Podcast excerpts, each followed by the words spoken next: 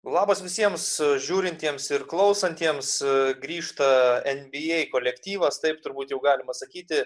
Visai sėkmingi, mano nuomonė, buvo pirmieji mūsų NBA virtualūs draftai, kai uh, lindome į Michaelo Jordano erą, dabar judėsime po truputėlį į priekį. Antras mūsų dublis, uh, aš Rydis Višniauskas kartu su NBO podcast'o tandemu, Rokas Grajauskas ir Mykolas Jankaitis. Sveiki, vyrukai, kaip laikotės?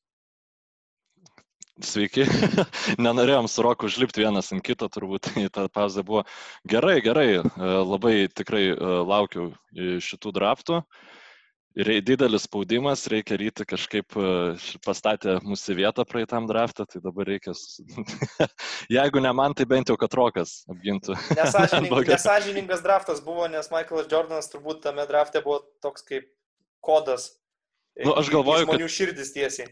Nu jo, dar kad išėjo tą pačią dieną su The Last Dance serija mūsų draftai. Labai daug tai... sutapimų, kurie man buvo labai parankus dėl to, kad aš turėjau pirmą šaukimą. Aš manau, kad šitoj eroj turėsime lygesnį draftą ir netgi dėl pirmo šaukimo, aš manau, gali būti skirtingų yep. variantų. Jo, jo. jo. Rokai, rokai kaip pats išsilaikęs. O, nieko, nieko. Labas rytis, sveikas Mykolai, labas visi nežinau, gyvenimas tęsiasi, juda toliau, juda labai ne, ne aukštais tempais, bet uh, vietoj nestovi. Ir, ir smagu, kad galima jį dar praskaidrinti ir va štai tokiais susitikimais internetu ir tokiom diskusijom apie krepšinį, kokios laukia, tikiuosi, mūsų ir šį vakarą. Man irgi labai malonu. Dar vienas klausimas tau. Sacramento Kings marškinėliai su pavardė, kažką reprezentuoji? Taip, taip be abejo. Tai yra patys pankoviausi marškinėliai kokius galima turėti Lietuvoje. Nežinau, ten matos ar nesimato. Matėm, matėm. Matės. Tai labai gerai. Tai sakau, labai laukiu į būtent į pankroko koncertus vaikščioti su šitais marškinėliais, nes manau, jog geresnių tam negali būti.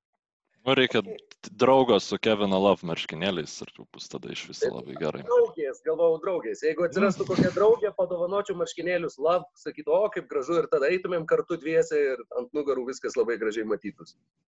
Aš tai šį kartą San Antonijaus savo marškinėlius iškeičiau, bet e, sparsų dvasį toliau palaikau. E, Bolonijos Kinder marškinėliai šį kartą mane papuošė su be abejo Manuelio Žinobilio pavardė.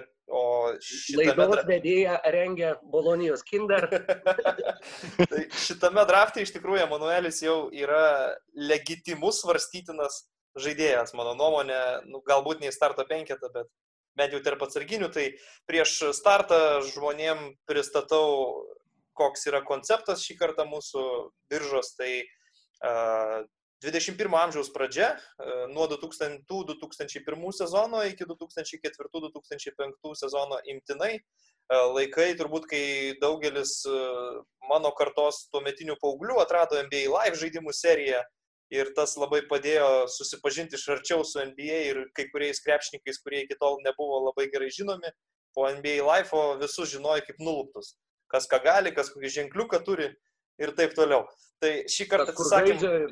Jo, šį kartą, žodžiu, atsisakėm tos nejaukios vaskyčiai ceremonijos ir tiesiog prieš startuojant aš išsukau atsitiktiniu būdu ruletę, kas gauna geriausią šaukimą. Tai susidėliojame taip, Rokas yra pirmas šaukimas, šį kartą aš esu antras šaukimas, Mykolai atiteko trečias numeris biržoje, tai galbūt ir pradėkime, tik prieš startą aš dar kartą noriu visų basketinių su vardu padėkoti visiems basketinius LT patronams, kurie e, jungiasi prie Patreono platformos ir paremė kiek kas gali ir manau, kad nereikia daug kartotis, kaip svarbu yra būtent šiuo laikotarpiu tokiai E, tokioje rinkoje krepšinio puslapį, kuris kuria krepšinio turinį tokia parama, nes kai nėra varžybų, nėra krepšinio, nėra reklamų, visiems žymiai sunkiau.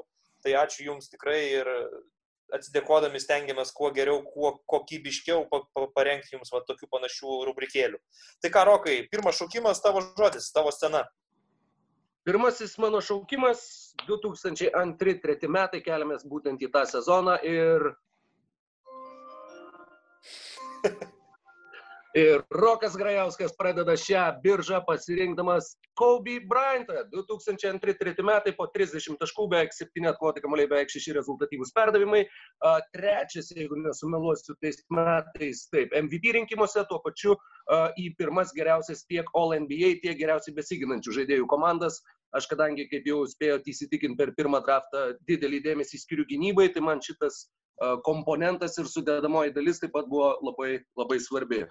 O kas dėsis toliau, aš nelabai žinau, tačiau jau tikiu, kad mano komanda, na bent jau uh, sausai tikrai ne vienų rungtynių nepralaimės, sakykim taip.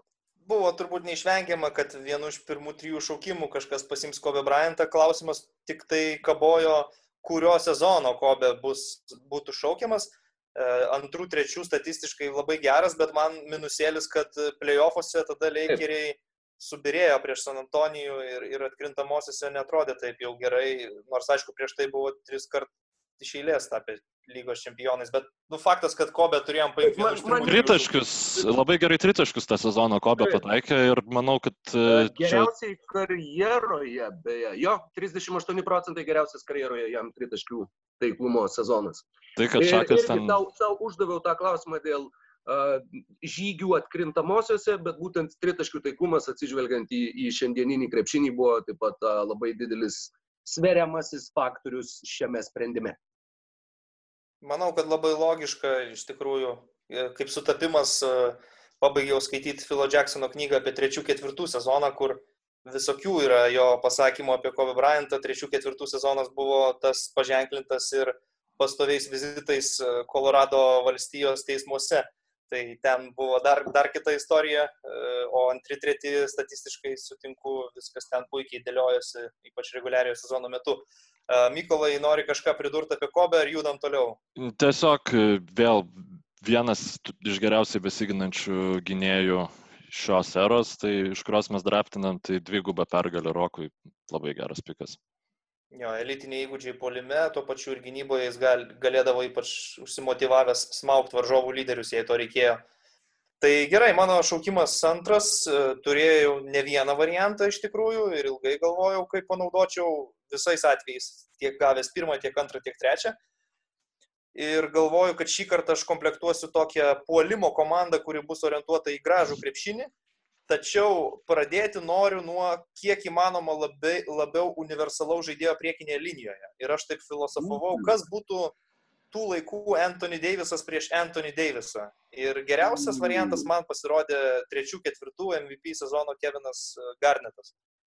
Tai jis yra mano pasirinkimas, e, galėtų žaisti ir ketvirtoje, ir penktoje pozicijoje priklausomai nuo įvairių situacijų, turi puikių apgaulingų judesių, gerą metimą iš vidutinio nuotolio, o kai kalbėjom ankstesniam draftą, kad šio laikiniam krepšinėje turbūt galėtų peržengti ir tą žingsnelį už tritaškio linijos ir išmest porą tolimų metimų, tai nebūtų jam problema. Įspūdingai atrodė tuo metu Minnesotoje Kevinas Garnetas ir kaip tik trečių, ketvirtų sezonas buvo Wolfsam pats geriausias, kai jie vakaruose iki, iki konferencijos finalo nukeliavo. Taip, jo. šiandien tik irgi uh, svaršiau apie šitą pasirinkimą, uh, puikiai statistika, visa kita ir net įsijungiau 2003-2004 ar tiksliau 2004 atkrintamųjų konferencijos pusfinalį Game 7 Sakramentas prieš Minnesotą ir Kevinas Garnetas ten tiesiog laimėjo vienas tą seriją Timberwolvesam ir, ir uh, išvedė juos į tą kol kas vienintelį konferencijos finalą ir labai įspūdingai atrodė jo žaidimas tiek polime, tiek gynyboje ir tai, kad uh, žmogus atžaidęs ten 46 berots minutės vis tiek tempė ir vis tiek uh, nuovargio ženklų, nors ir matęs, bet matęs labai nedaug ir ten galų gale lemiamos atakos metu jisai permė kamuolį ir faktiškai taip ir, ir uh, įtvirtino tą pergalę. Tad tikrai labai geras pasirinkimas, nemaniau, kad kažkas taip aukštai pasims Keviną Garnetą, svajojau jį pasimti antrų savo pasirinkimų, bet uh, sveikinimai ryčiui. Jeigu aš būčiau gavęs... Bilietas mano. Jeigu būčiau gavęs pirmą šaukimą, aš būčiau ėmęs Keviną Garnetą, nes esu įstikinęs, kad jis e, turi daugiausia pranašumų prieš alternatyvas esančias e, priekiniai linijoje. Tikrai šiais laikais jau ypač 2, 3, 4 Garnetas galėtų žaisti centru ir nu, man būtų keista, jeigu rytis, nors rytis e, turi sparsų ir, ir ten Dankaną, gal kokį pagrieps ar panašiai, nežinau, pažiūrėsim, bet nu, šiais laikais, dar neseniai klausiau podcast'o, kad šiais laikais Garnetas būtų dar geresnis negu buvo lygos kontekste, žodžiu, ir jis buvo tuo metu nu, 2-3-4 vienas geriausių lygos krepšininkų ir visam šitam periode, jeigu paėmus WinShare statistiką, tai čia statistika, kurią veda Basketball References, tas puslapis mūsų visų mylimas, Žodžiu, tai Kevinas Garnetas turėjo tam sezonę daug, daugiau winshare negu bet kuris kitas e, krepšininkas per tuos penkis metus. Nu, tai statistiškai geriausias sezonas e, iš visų galimų, tik tai tiek, kad nelaimėjo, bet čia jau nu, tikrai negarneta kaltė. Gerai, man nieko nelieka. Kaselo trauma. Nori, kad pertraukiu, bet Kaselo trauma buvo, buvo esminis faktorius. Ir jie be Kaselo žaidžiant su Dariku Martinu žaidėjo pozicijoje su Lakersais padarė šešių rungtynių seriją. Tai Mm. Nes, nes Garnetas jis nesveikai pasuojasi, ta prasme, pamiršta žmonės, nu, jis netrodo, kad jis galėtų būti geras playmakeris, tiesiog iš tos e, fiziologinės e, savo išvaizdos. Nu, penkis rezultatyvius perdavimus tame sezone, apie kurį tu kalbėjai. Gerai, nu, man jau skauda apie Garnetą kalbėti, nes žiauriai norėjau jo komandai, aš imu Tracy McGrady. E, viską pateisinu, žodžiu, pirmiausia, tai absoliučiai vaikystėje galvojau, kad čia yra geriausias pasaulio krepšininkas, nieko nėra geriau už jį, bet jo sezonas 2-2-3 metais, e, na, e, puolimo prasme, tai jis geresnis buvo negu Kobės Bryanto. E, sezonas 2-2-3, aišku, Trace'as Magreidis, palaukit, ar aš užkibau. Ne, ne, mes tada girdime. Ok, tiesiog rokas šiek tiek. Jo, jo. jo. Ir taip, tai atsiprašau, šiek tiek išsimuščiau iš vėžių. Neseniai pasileido labai daug video, YouTube'ai matyt, paleido NBA kažkokios medžiagos, kur vienas iš YouTuberių pavadino jį E, lengviausiai e, taškus pelnančių krepšininkų, kai jis buvo tam savo prime ir 2-2-3 metų sezonais pelnė 32 taškus, trita, e, per rungtynes pelnydavo 3 taškus mesdavo 38 procentų taiklumų, jų išmeš, išmesdavo po 6, žodžiu, ir rezultatyvių perdavimų po 5,5 ir perimtų kamolių 2 padarydavo, žodžiu, vienintelis krepšininkas po Kobės ir Garneto, kuris pats galėtų e, vesti elitinį polimą šiais laikais ir nebūti atakuojamas gynyboje, nu, kitos komandos gynyboje. Tai Gali tik patikslinti dar kartą, kurio sezono Magreidis pas tave? 2-2-3. 2-3. Okay. Jo, jo, jisai E, jisai irgi pagal tą Winshare statistiką, e, tiksliau ne pagal Winshare šis iki, o pagal efektyvumą, nu, naudingumo balus tos e, daugiau, nu, geriausias sezonas iš visų per visus penkis metus. Tai, vat, žodžiu, norėjau Garneto, Traces Magreidis irgi man tinka ir ant jeigu Magreidžio, kaip suprantu, nesitikėjot, tai kito piko galbūt irgi nesitikėsit, bet ypač kai Garnetą jau paėmė, tai man nieko nebelieka. Įmu Šoną Merioną, E, nes, e, nu, žmogus tiesiog gimė tikrai per anksti. Šiais laikais jisai būtų maksimalaus kontrakto krepšininkas ir e, gin, gali gintis per visas pozicijas moderniam krepšinėje. Jis pas mane labiau kol kas į sunkaus krašto rolę, bet priklausomai, ką aš pasimsiu į, į kitą poziciją, į lengvąjį kraštą. Tai, nes centrų, manau, tikrai bus. O iš žaidėjų irgi manau, kad jūs paliksit, jeigu ne, ne, nu, ne patį geriausią, tai kažkokią neblogą galėsiu pasimti. O tokio krepšininko kaip Šonas Merijonas aš matau dar tik vieną ir kadangi aš dabar keturis pikus turėsiu laukti, tai nerizikuosiu. Žodžiu, tai mano antras šaukimas yra Šonas Merijonas ir tai yra 2-2-3 metų sezonas, kai jisai tritaškus mesdavo 38 procentų taiklumu. Šonas Merijonas su savo metimu buvo turėjęs sezoną, kur metė 38 procentų taiklumų tritaškus. Tais metais ir All Staras buvo. Taip, taip, taip, taip. Nu, Tiesą pasakius, pas mane pakankamai aukštai buvo nužiūrėtas Šonas Merijonas, bet ketvirtų, penktų sezono aš turėjau jį įsirašęs.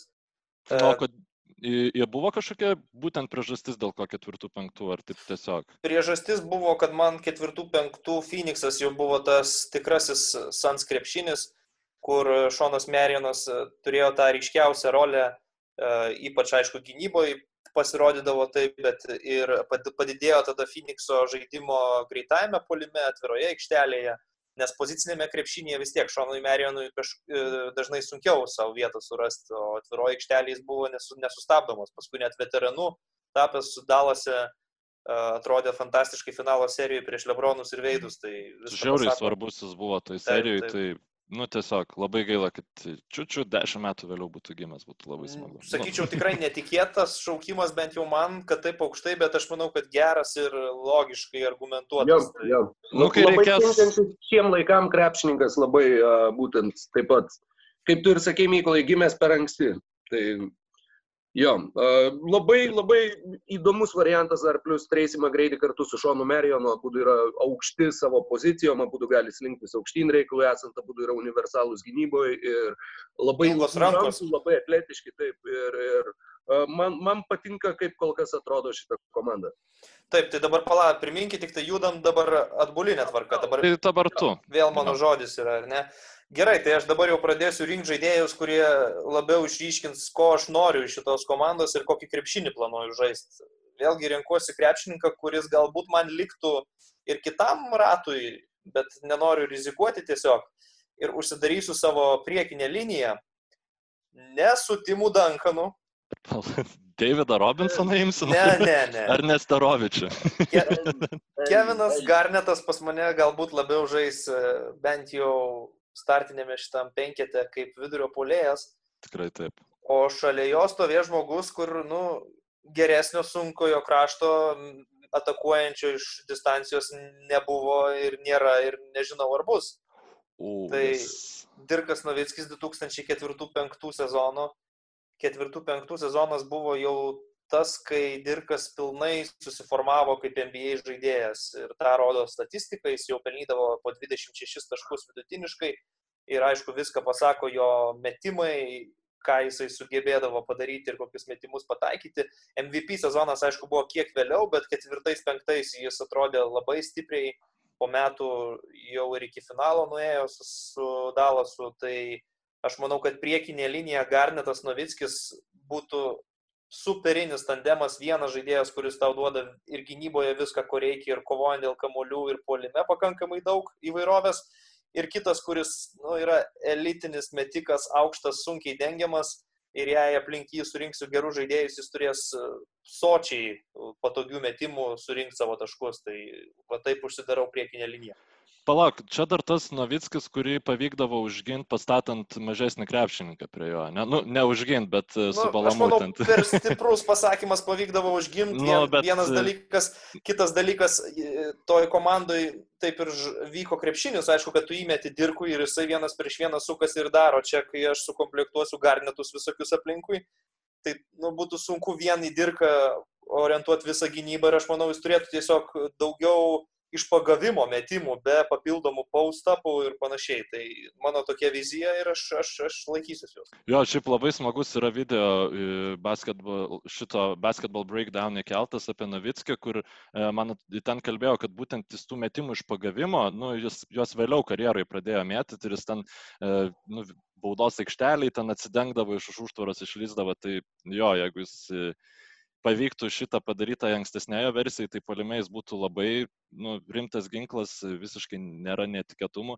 bet e, man atrodo, kad e, Novickis moderniam NBA ketvirtų numerių jis negalėtų žaisti e, aukščiausiam lygiui dėl savo problemų gynyboje. Ir prieš komandas, kurios turi rimtesnį perimetrą, polimeną, tai tiesiog visą laiką, visą laiką reikėtų nu, labai labai saugoti jį. Tai ne, nežinau, nu, Nu, aš Ir- matau, aš matau komandų, kurio, kuriuose ketvirtų numerių, net ir gerose komandose starto penketą žaidžia krepšininkai, nu, kurie nieko negali pasilyginti su dirku. Tai aš manau, kad kai turi Keviną Garnetą šalia jo prašiau gynyboje žaidžiantis aukštaugis, tai nėra didelė bėda. Jei mes tosim žaisti prieš Clippers, tai nudirka pastatysiu prie Zubatso, o Garnetas tegul rūpinasi kitais reikalais. Anthony Daviso, aišku, kad nedengs. nu bet. Clippers tai Dirkas. gali ir Morisą išleisti, žinai, į Oi, tai penktą tegul numerį. leidžia, nebijau Moriso. Bet Piken Popo su jo dirkas bijotų. Nu, man tiesiog. Ne, taip tai trūkum, trūkumų yra, aš nesitikėjau tobulumo, aš kaip ir sakiau, mano komanda bus orientuota į estetišką gražų polimo krepšinį. Nu, jo, palimetai. Rokai? Baisu. baisu. Jo, mano dabar du pasirinkimai ar vienas? Du. Eh, Sumaišyt man vyrai labai kortas. Visiškai. Uh, ir tada, nu, kaip ten bebūtų, šie laikai ar ne šie laikai, kaip tik žiūrėjau visai neseniai pra, prasimuliuotą karjeros simulaciją, kaip jam sektųsi šiais laikais, jeigu jisai dabar ateitų į lygą. Ir negaliu patikėti, visą laiką šiaip jau uh, nemėgstu tų komandų, kurios yra žiaurios favoritės. Ir visą laiką sergu už tuos vadinamosius underdogus, man atrodo, tai yra labai lietuviškas dalykas, galbūt dėl to, kad maža valstybė įveikė didelę Sovietų sąjungą, todėl mes dabar visą laiką sergam už mažesnius, o ne už didesnius. Ir man pačiam neįtikėtina, bet šeštų šaukimų tuomet aš renkuosi tą žmogų, kuris visus penkis metus per šį, penkerius metus per šį, šį periodą buvo pirmoje a, geriausių žaidėjų komandoje. Tad Los Angeles Lakers atsikūrinėja mano sudėtyje, Šakilas Onilas keliauja į mano sudėtį, Šakas ir Kaubė yra mano pirmi du šaukimai. Tikrai nesitikėjau, kad tai bus, bet uh, jeigu taip yra, tai taip yra. Kurio sezono Šakas? Nesitikėjau iki tiek, kad net nebuvau išsirinkęs kurio sezono, dabar kiek žiūrėjau, 2000-2001. Kuo kudesnis. Kuo kudesnis. Jo, metai dar, dar atletiškumas, mobilumo, bent, bent kažkiek, na, ne tiek, kiek vėlesniais jo karjeros sezonais. Beveik 29 taškai, beveik 13 kamuolių, beveik 4 rezultatyvus, beveik 3 blokai, beje, būtent pastarasis skaičius nuo to sezono ėmė važiuoti vis žemyn ir žemyn jo karjeroj, iliustruojant jo atletiškumo stoką. Tačiau Kobi ir Šakilas, uh, na, įsivaizdavau, kad jeigu imsiu Šakilą, tai tada būtinai statysiu aplink vien tik tai metikus, kad būtų vien metikai ir jisai galėtų savo ramiai baudos aikštelėje žaisti, bet dabar... Aš irgi taip įsivaizdavau praeitą sėkį. Na, va, Nėra taip paprasta. Va, va. Ir dabar mane labai labai neramina šitas pasirinkimas, kadangi būtent metikų atžvilgių man labai peršasi vienas žaidėjas, bet, sakykime, charakterio atžvilgių ir šiaip galvoju, kad jeigu turėsiu Kaubį, tai būtinai prie jo dėsiu šitą žmogų. Tai taip ir padarysiu. Tuomet septintų šaukimu, tuoj pasižiūriu sezoną 2004-2005 metų sezono. Lebronas Jamesas keliauja pas mane žaisti į žaidėjų. Šitoje komandoje žaisti šalia Kobės ir šalia Šakilo jo pirmas All Star sezonas, 27 taškai, 7 kamuoliai, 7 rezultatyvūs perdamai, daugiau negu 2 perimti, 35 procentai tritaškių. Dar ne karjeros pikas, tačiau su jo atletiškumu, su, jo, su tuo faktu, jog tuo metu jam buvo labai nedaug metų ir tuo metu jisai tikrai e, išdarinėjo fiziškumo klausimus stebuklus e, NBA lygui. Na, tą daro iš esmės iki šių dienų, bet, bet būtent tada tuoj tiksliai noriu pažiūrėti, jam buvo vos 20 metų. Tad 20 metų Lebronas Džeimsas kartu su Kobe yra mano du startiniai gynėjai, turiu Šakilą startinį vidurio polėje ir man betrūksta kraštų ir čia jau būtinai reikės žiūrėti į tuos, kurie meta kuo geriau, bet tuo pačiu norėčiau ir žinoma tų, kurie labai labai gerai gynasi. Tad taip, kol kas kom, komplektuojasi mano komanda ir, ir na, bent jau vardai tikrai atrodo solidus. Aš trumpai pareplikuosiu gal savo uh, nuomonę, aš manau, kad e, Kobe ir Lebronas vienoje komandoje 30 mečiai subrendė būtų visai nebloga idėja, bet tie jauni, e, gan ambicingi Kobe ir Lebronas kartu, aš to nenorėčiau turėti savo komandai, dar turint omeny, kad bus ir šakas, kuriam reikia įmest kamolius. E, nors skamba tai kaip kažkas beprotiško ir galbūt stebuklingo, bet taip galvoju, kad galėtų būti problemų tam hipotetiniam treneriui tavo iš, išspręsti? Tas, tas, tas dalykas, kurio, sakykime, kurio, kurio tikėjausi, dabar tik tai man šakas neįsipaišo į bendrą, bendrą paveikslą, bet tuo pačiu ir susirinkti tuos sakykime, kuo labiau motivuotus žaidėjus ir kuo labiau, kuo didesnį nugalėtojo mentalitetą turinčius ir tiek Kobe, tiek Lebronas yra na, be konkurencijos visiški, visiški Rokai, tu čia čytinė. Du ketvirtais, du penktais metais Lebronas jokio nugalėtojo mentaliteto ne, neturėjo. Jis buvo š, prastos komandos lyderis, prasme, kuri ta, ta komanda 2007 uh, metais jau galiausiai papuolė į NBA finalus ir ten pasikrovė 4-0, o iki to laiko, taigi kiek to buvo nu, ta prasme, iki 12 metų Lebronas nebuvo žinomas kaip ten jau kažkoks nugalėtojas ar panašiai. Nu, Ir, nu, o čia yra... Visiškai mirusi Klyvlendą į finalą atvedęs, kai Sparsam pralaimėjo 0-4. Nu taip, nes ten visiškai mirusi rytų konferenciją. Aš tai nežinau, aš kažkaip e, Lebroną mačiau šiek tiek žemiau, nes man atrodo, kad starto penketą, e, kuriame yra jų Kobė jau ir Šakas, ir nu, šiaip tiesiog e, labiau patyrę krepšininkai, jau įsitvirtinę savo roliai, Lebronas nu, galėtų šiek tiek pradingti, ypač turint omeny, kad jo ir metimas tada prastesnis buvo. Nu, 35 procentai iš toli man, man netrodo labai blogai. Ja, reikia žiūrėti, aišku, tai yra, į žinai, į kiekį. kiek, kiek, Nes. Išmesdavo po keturis.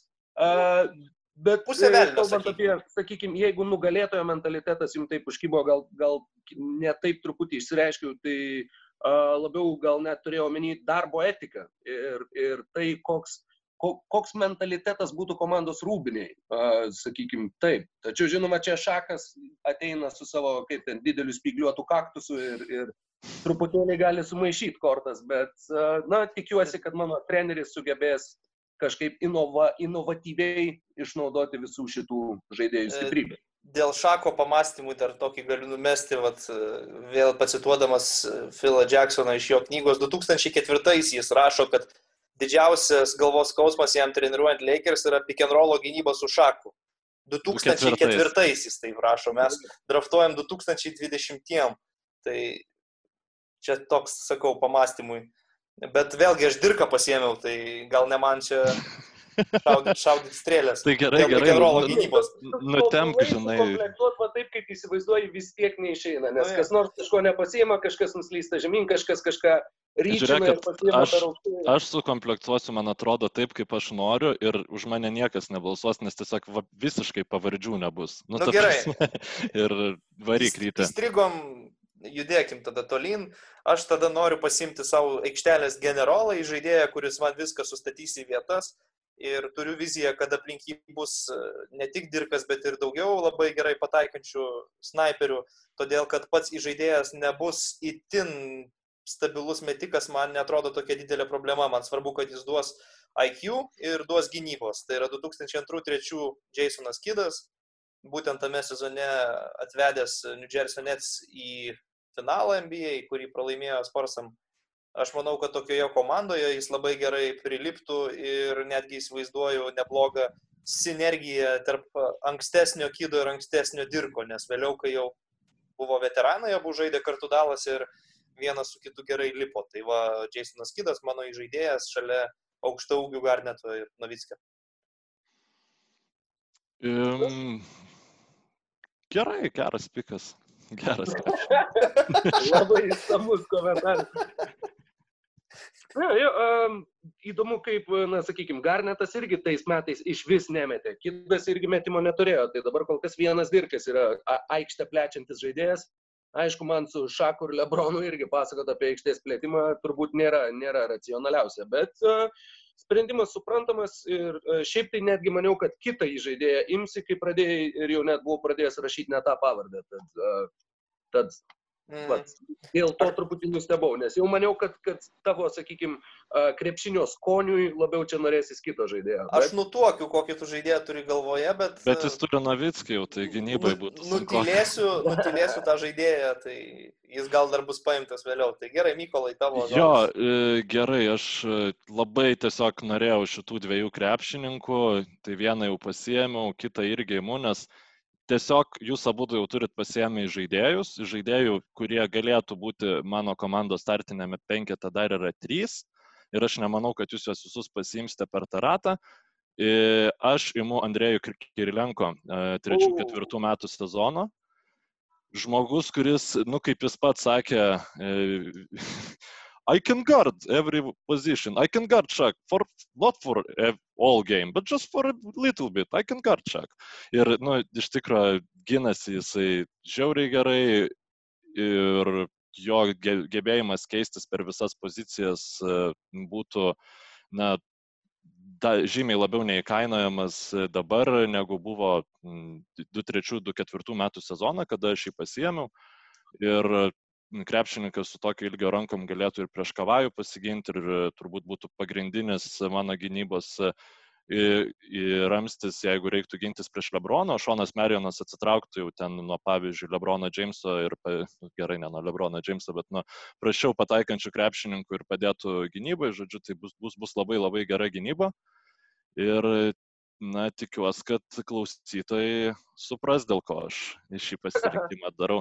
Nes jis ir tą sezoną ir pataikė, ir rezultatyvų perdavimų darė, ir absoliučiai beviltišką Jūtos Jazz komanda sugebėjo iki atkrintamųjų ištemti. Taip, nu, žodžiu, tikrai geras lyderis ir puikus krepšininkas.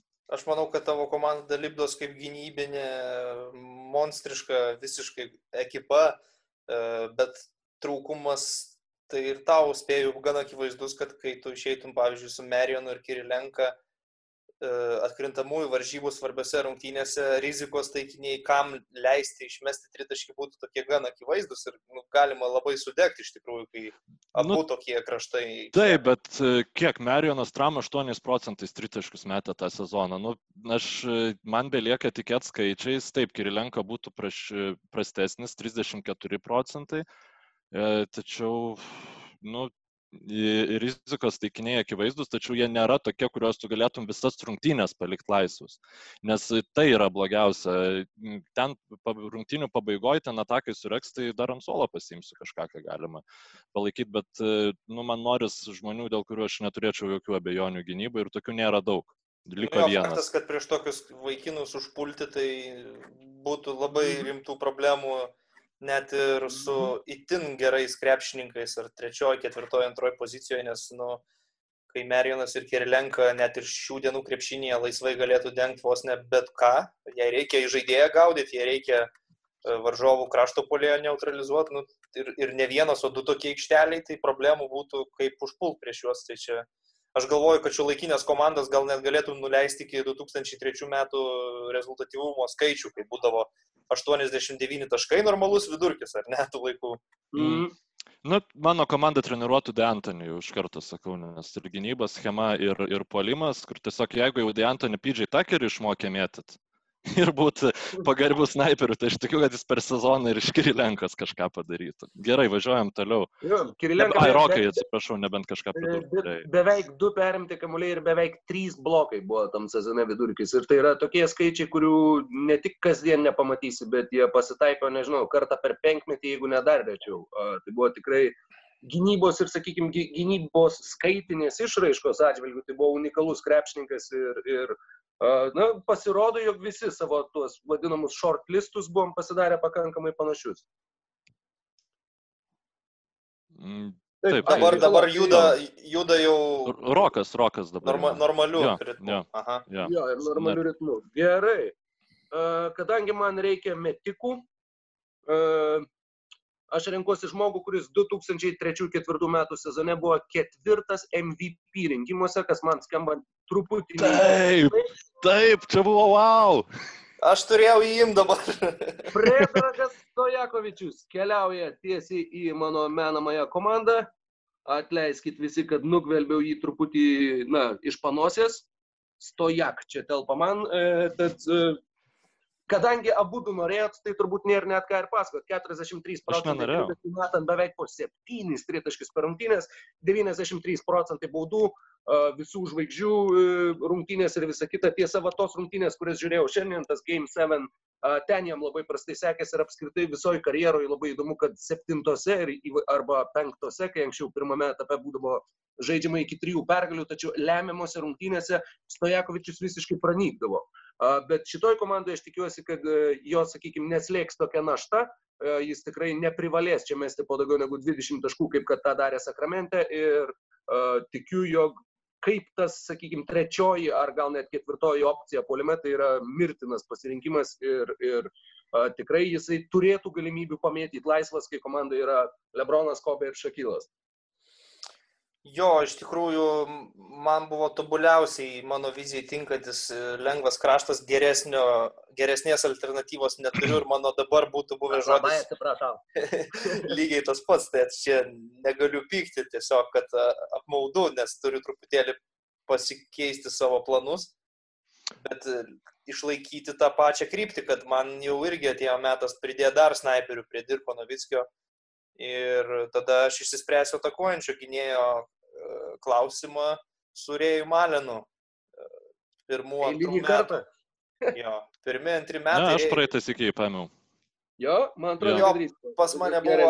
Alanas Houstonas, buvo gal su- supainiojęs. Ir Reggie Milleris. Taip, tai, tai š- šį kartą yra Rėjus Alenas mano komandai, 2001-2002 metų sezonas argumentuojant tuo, kad būtent šitam sezonui jis išmesdavo po 7,7 tritaškių ir pataikydavo po 3,3. Tai iš šio penkių metų laikotarpio, kurį mes imame, tai buvo geriausi metai jam pagal tritaškių ir skaičių, ir procentą.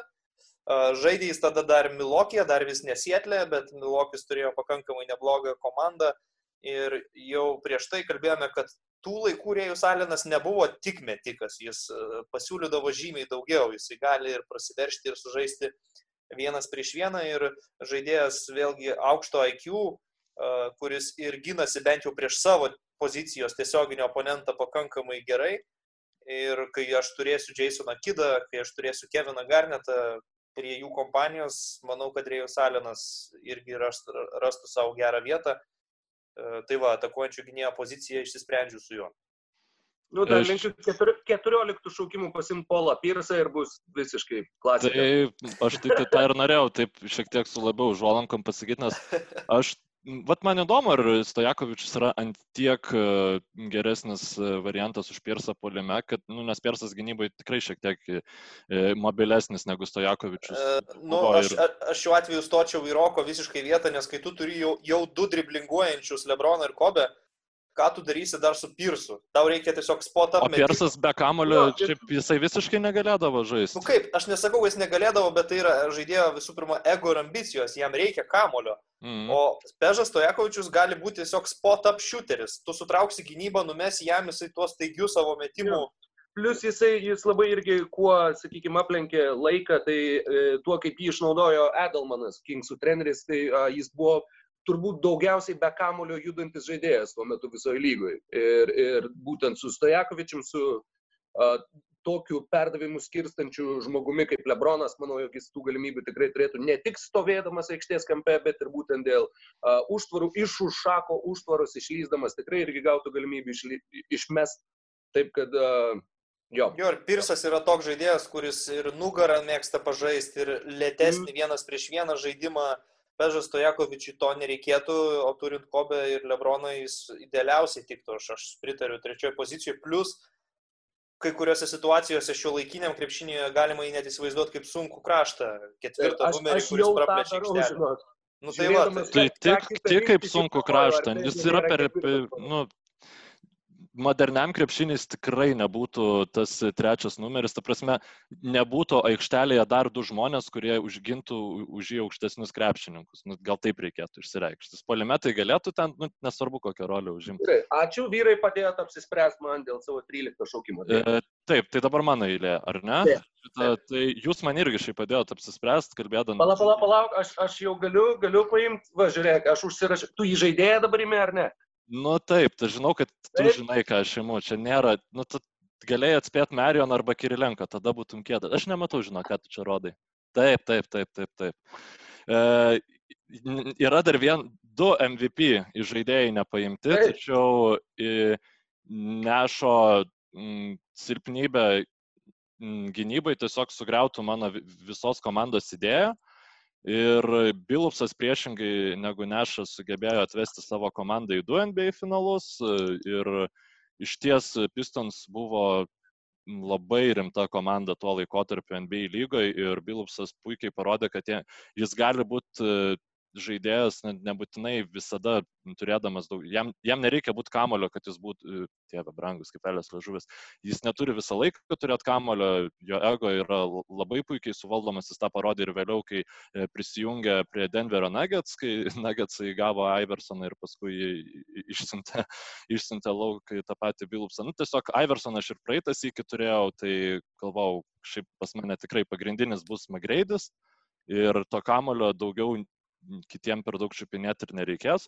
O jeigu paimsi į rankas Bilupsas, kuris 2-4-2-5 metų sezone, ne čempioniškam sezone, 2-4-2-5 metų sezone jis tritaškius metė 43 procentų taiklumu išmesdamas po 5, tai man to yra per akis ir plus e, iš likusių žaidėjų, aš manau, e, jeigu neskaitant Gary Paytoną, tai yra geriausiai besiginantis krepšininkas, tiesiog geria, ge- geriausiai besiginančios komandos penketo dalis, tai na, puikiai mano komanda tinka. Labai, labai, jo, tinkamas šaukimas, dar beje galėčiau pridėti, man labai patiko šitas faktas apie jį, kad jisai žaidė šešiuose konferencijos finaluose iš eilės netgi ir pakeitęs komandą, kai atsidūrė Denveryje, Denveryje taip pat jie su Kleiza ir, ir Carmelo ir, ir Iversonu žaidė su Lakeriais ir netgi turėjo seriją 2-2, bet, bet galiausiai tą seriją paleido. Tad Čionsi Bilupsas tikrai, nors nėra uh, pirmo ryškumo vardas, bet tai yra taip pat laimintis krepšininkas ir, ir labai logiškai sakau, jau matėsi iš karto iš pirmų trijų tavo šaukimų, kad Čionsi Bilupsas čia tikrai tinka ir aš manau, kad aš ir tavo centrą galėčiau atspėti, bet... Ne, a, leisti. ne, neimsiu jo. Nu, aš imsiu. A, gerai. Apie Čionsi gal dar pasakysiu, kad man labai imponuojantis žaidėjas, nes aš jį galėčiau pavadinti kaip bjaurų Jančiuką, tokia bjaurų Jančiuko istorija, nes iš tikrųjų po draftų, kai jis buvo pašauktas, tai po pirmų kelių metų buvo laikomas labai nepasiteisinusiu šaukimu, Rikas Pitino apskritai. Sorry, kad pertraukiu, bet per pirmus penkis sezonus, nors buvo trečias šaukimas, žaidė penkiose komandose. Taip, ir Rikas Pitino jį pra, praspyrė iš vis, nes jam netiko, kad jis nevykdo nurodymų, nenori presinguoti per visą aikštelę, bando žaisti truputį tokį gatvės krepšinį, o Detroite susiformavo tas tikrasis Čionsi Bilupsas, turbūt rado ir savo trenerį, galima taip turbūt e, spėti Ir, nu, tikrai buvo tuo metu lygoje vienas geriausių, patikimiausių įžaidėjų įvertinus visus komponentus ir kūrybą, ir sugebėjimą išspręsti atakas, kai derinys nepavyko ir tuo pačiu gynyboje nepešęs. Tai įdomus ir, ir geras, sakyčiau, Mykolo pasirinkimas. Ir sorry, mano gynėjų linija Bilupsas ir Magreidai yra clutch. Bent jau pagal o, YouTube video tai labai klač. Aš nežinau, ar tas vaikinas niekada nepraėjęs pirmo etapo atkrintamųjų toks jau labai klač, bet... Labai klač. Sakykime. Ne, negadink man. Nu, baig, baig. Nereikia, nereikia užsisvaigti ant... Nereikia ant to vieno užsisvaikai, Sporsas nužudė. Ten buvo reguliarios sezono. Ai, dieve, tu dar tą nuoskaudą tu tiesiog turi, jo, gerai. Kokia nuoskauda? Reguliariojo sezono rungtynės ėjo, praėjo, pasimiršo ir nieko jos nepakeitė. Ne, nu ką, Magreidis, jeigu ne traumos, tai tikrai jisai būtų praėjęs daug daugiau, bet, bet tai jao su... Ir jeigu ne tai... Granto Hilo trauma, nu, ta prasme, tai, gerai, tai važiuojam toliau, nes dar startinė penketą. Jo, nu, jeigu jau apie Magreidį prisikalbėjom, tai reikia pajudinti ir jo giminaičius turbūt. Tokiu atveju ir, ir aš... O, ta, tavo šaukimas, man atrodo, dabar mano šaukimas. Rokoje. Jo, ryte tu antras. Tiksliai.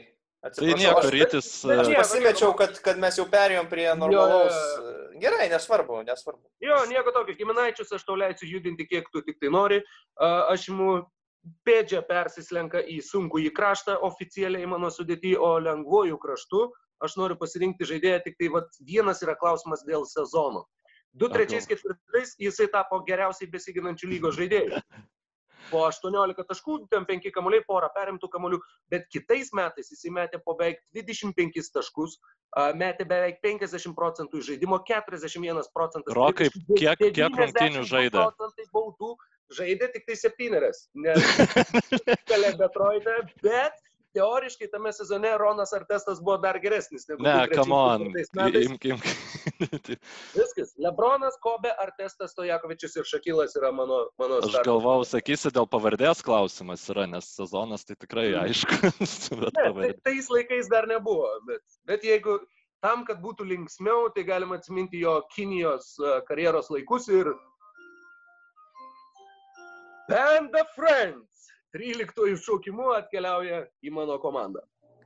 Charakterių įvairovė pas tave ir spalvingumas komandos, tai aš manau, jeigu aikštelėje nepasisektų, tai Hollywoodas galėtų su šitą komandą padaryti labai gerą kažkokį produktą. Jinai kažkokia labai leikiriška, labai, labai, leikiriška. labai visiškai tokia showtime. Tu prasme, aš net patikėčiau, kad Stojakovičius žaidė leikiriuose kažkada, nu, Dyvacas, sakei, nes ne Stojakovičius, bet, nu, iš esmės. Ai, tas Tai rytai, imk Polą Pirsą gal geriau vietoj Carterio ne, ir turėk Celticus. Man Polo Pirso tikrai nereikia, aš net nelabai ne, mėgstu Polo Pirsą tiesą pasakius, man jo žaidimo stilius neįtin imponuoja, o savo šaukimą jau išdaviau prieš tai, kai truputėlį apsižioplinau, tai viskas kaip ir aišku, tik sezono nespėjau pasakyti, yra 2000-2001 sezonas, yep. Vincas Carteris šitame sezone jis rinko beveik po 28 taškus per rungtynes ir turėjo gerą tritaškių statistiką, išmesdamas po 5,3 pataikė 40 procentų, kas yra labai solidu. Mano komandoje jis bus e, trečias numeris, lengvas kraštas, nes atakuojančių gynėjų žaidžiarėjus Alenas. Tai yra iš tų visų superžvaigždžių, sakyčiau, ypač dar tuo metu toks gan pozityvus veikėjas, pasiduodantis treniravimui, kaip ir Dirkas vėliau savo karjeroje žaidė su Jasonu Kidu, bet įsivaizduoju, kad pritaptų, jei reikės bus tritaškių, jei reikės ir, ir žaidimo vienas prieš vieną, ko mano komandoje perimetre gal prieš tai nebuvo tiek daug, tai Vinsas Karteris būtų tas krepšininkas, kuriam aš liepčiau uh, spręsti rungtynės, kuriuose komandinis žaidimas neveikia ir reikia, kad kažkas imtų paklodę ant savęs. Tai Vinsas 2000-2001 sezono keliauja pas mane ir už, uždaro startinį penketą. Nice.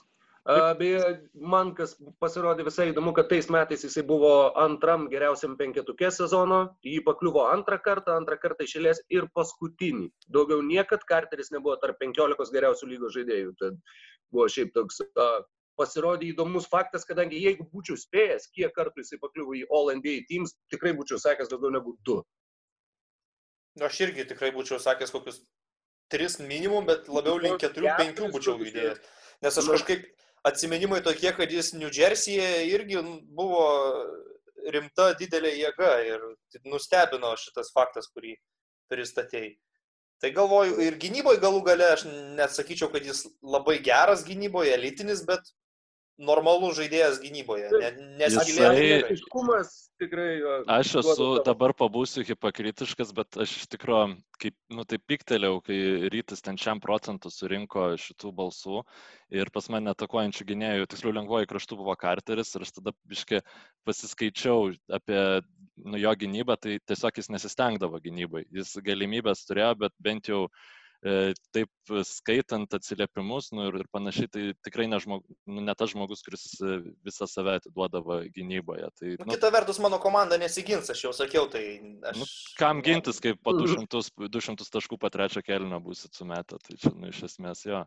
Aš šiaip rytų tavęs nekenčiu, roką tai dar pateisinu, bet, nu, esu dabar žiauriai nenoriu šito krepšininką imti kaip savo vidurio polėjo, nes jis nu, nužudys mano spacingą ir, nu, ambačkai, nežinau. Ir, gerai, vėliau apturėsiu geriausią gynybą pasaulio istorijoje, įmutimą Dankaną vidurio palėjo pozicijoje. Jeigu gali būti, kad jis pas mane kils nuo suolo tvarkyti gynybos, aš, nu, nu nežinau, negaliu neimti tokio gero krepšininko, tebūnėtai uh, Um, net aš net jo sezono nebuvau išsirinkęs, nes aš buvau įsitikinęs, kad kažkas iš jūsų jį pasiims. Tai viena iš dviejų MVP sezonų tik. Tai, tai gal gali priminti, kuris čia 2-2, 3, man atrodo. Ne? Aš imčiau antrų, trečių vien dėl to, kad čempioniškas. Nu, nu tai paimkim antrų, trečių, tritaškai, va, 27 e, procentai, 0,3 per rungtynės. Tai... Čia šitas argumentas tai stipriausias. Klausyk, tai yra tris kartus daugiau negu daugumoje kitų sezonų jis išmestavo per rungtynės.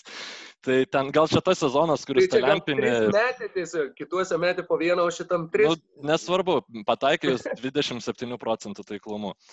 Bet jo, jeigu rimtai, tai ne, ne, pakeičiu, imu rašytą Wallace.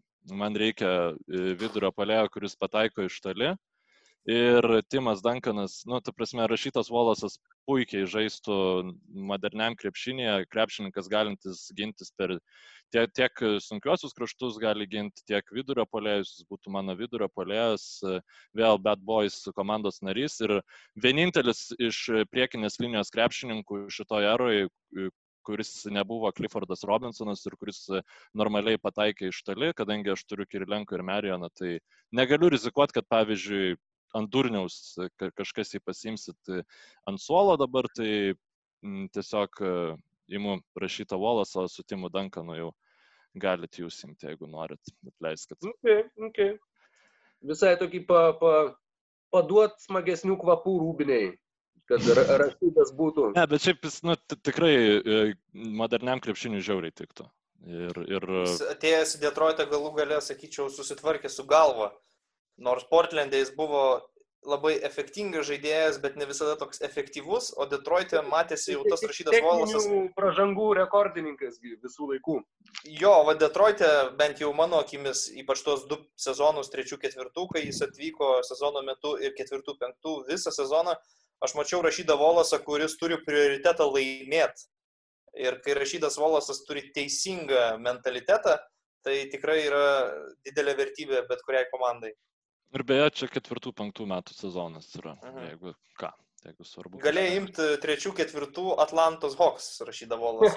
Jo, nu jeigu Rokas gali Roną ar testą pasiimti iš e, ketvirtų, penktų sezono, tai why Nu, gerai, O ką?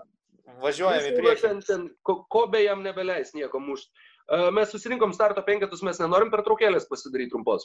Matai, kad šitas Ne, įrašas čia- eina Nu, Jo, gerai, tada, tada gerai, tada labai važiuojam toliau.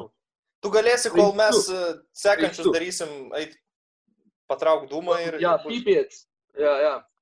Uh, gerai, tuomet tam, kad mano komanda truputėlį, sakykime, turėtų to gynybinio universalumo ir jeigu, nežinau, jūsų No- Novickiai ir Garnetai arba Rašydai Volasai ir Kirilenkos e, visiškai nuvarytų šaką iš aikštės a, ir tiesiog būtų nebeįmanoma jo laikyti ant parketo, aš noriu pasimti universaliausią turbūt ir geriausiai besiginantį šitos eros centrą. Mano kelintas čia dabar jau palauk, išeina 16 viso yra čia šios biržos šaukimas, atsarginis vidurio polėjas, Benas Volasas keliauja tiesiai ant mano žaidėjų suolo. Žaidėjas, kuris Jis be labai įkvėpė Dreymondą Greeną ir Dreymondas Greenas pats yra sakęs, jog augdamas, nes jis iš Mičigano valstijos, tai stebėjo būtent Beną Volasą ir būtent Benas Volasas jam, jam buvo pats, pats a, didžiausią įtaką padaręs krepšininkas ir tas, sakykime, neaukštas ir ultra turbo mobilus, tiesiog beprotiškai judrus vidurio polėjas, kuris puikiu kojų greičiu pasižymėjo puikiu mobilumu, puikiu balansu ir galėjo šokti tuos šokius su bet kuriuo gynėju pasikeitęs gynyboje, gindamasis 2 prieš 2. Šiais laikais jisai tikrai būtų labai labai geras būtent dėl šitos savo savybės, kadangi anais laikais būtent nuo 2000 iki 2005 ir seniau, nors 2 prieš 2 ir žaisdavo klubai, tačiau žaisdavo nepalyginamai rečiau negu dabar. Dabar tai yra tokia pick and roll lyga faktiškai, pick and roll, pick and popo O Benas Volasas būtent dėl to 2002-2003 metų, čia beje pirmi jo All-Star metai, nors jisai metė po 6 taškus, kovojo po 15 kamuolių, 3,2 bloko, geriausiai besiginantis lygos žaidėjas ir 10 MVP rinkimuose. Tad dabar tiesiog dėl mano komandos yra visiškai ramu. Jeigu nekrenta jūsų aukšto ūgiam, tai tada šakas jūs talžo baudos aikštelėje, o jeigu aukšto ūgiam krenta ir šiaip šaką visai kaip ko neveikėt du prieš du deriniais, tuomet Benas Volasas sutvarko visą situaciją ir aš ramiai einu Jordaniško cigaro. Šiaip Benas Wallace'as yra mano mėgstamiausias krepšininkas lygoje ir aš galvojau, kad jis būtų labai geras krepšininkas modern, nu, moderniam NBA, bet atkrintamųjų serijoje jisai gynybai duotų tiek pat, kiek atiduotų polime nes tai yra krepšininkas, kurio, nu, kuris visiškai nėra pavojingas polime. Jisai negali atakuoti, jis negalėtų atakuoti mismečio žaidėjo. Pick and rollo leidžiantis, pick and rollo. Ne, ne, nu ta prasme. Kabinta lėjupus, jisai tikrai buvo atletiškas pakankamai, kad žaistų antram aukšte ir kad išplėstų vertikaliai aikštę. Viskas, am done.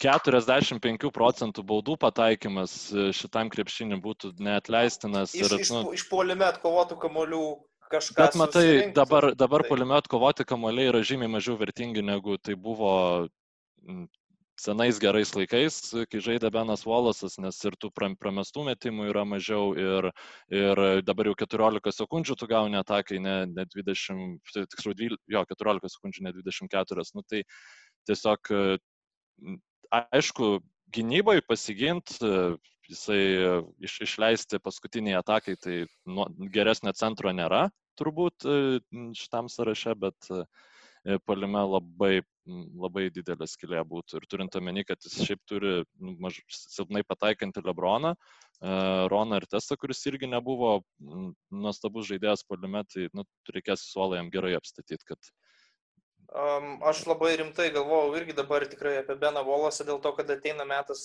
ieškoti tokių konkrečių užduočių vykdytojų ir specifinių talentų žaidėjų e, ir, ir Benas Volasas į tokią formulę puikiai tiktų.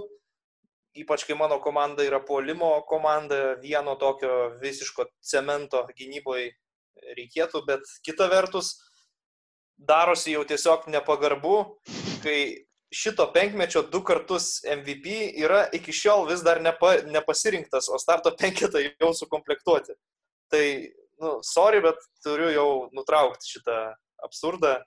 Ir aišku, kad tai neskamba kaip geras balansas, turint jau Garnetą ir Novickį imti Timą Dankaną, kas, kur, kažkuris iš jų trijų turėtų kilti nuo solelio, tai irgi skamba nelogiškai, bet tai paprasčiausiai yra nepagarba timidį.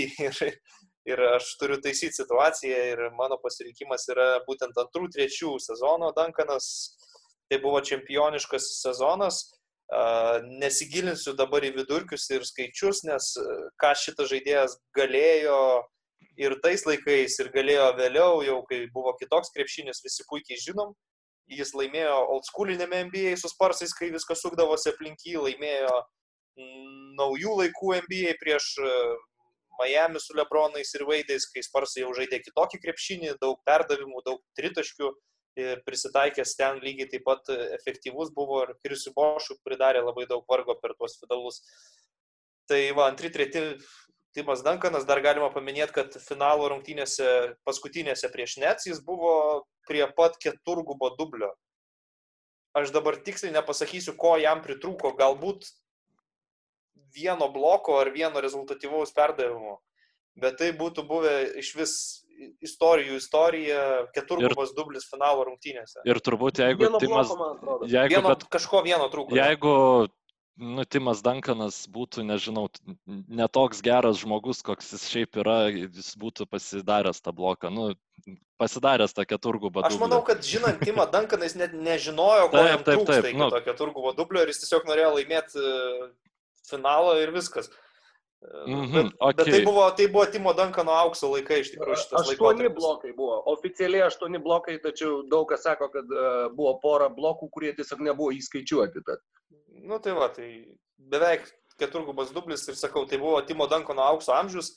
E, tas vienas žiedas dar su Davidu Robinsonu, tada 2005 jau be Davido Robinsono Ryti, tu šiaip sakai, kad nepagarba nu, dėl Dankano, kad mes jo nepasėmėm, bet mes startiniam penketę turim vieną MVP titulą laimėjusi žaidėją iš penkiolikos krepšininkų.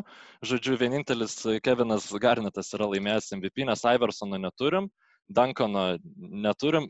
Ir tai Steve'as Nešas. Čia, čia lygai klausimas, ar Taip. neturėjo Kobe bent jau vieno MVP pasirinkti. Turėjo, turi, nebejotinai, bet Onylas tiesiog buvo per didelis visom prasmėm, turbūt. Nu tai Onylas irgi ir, MVP. Nu, taip, taip.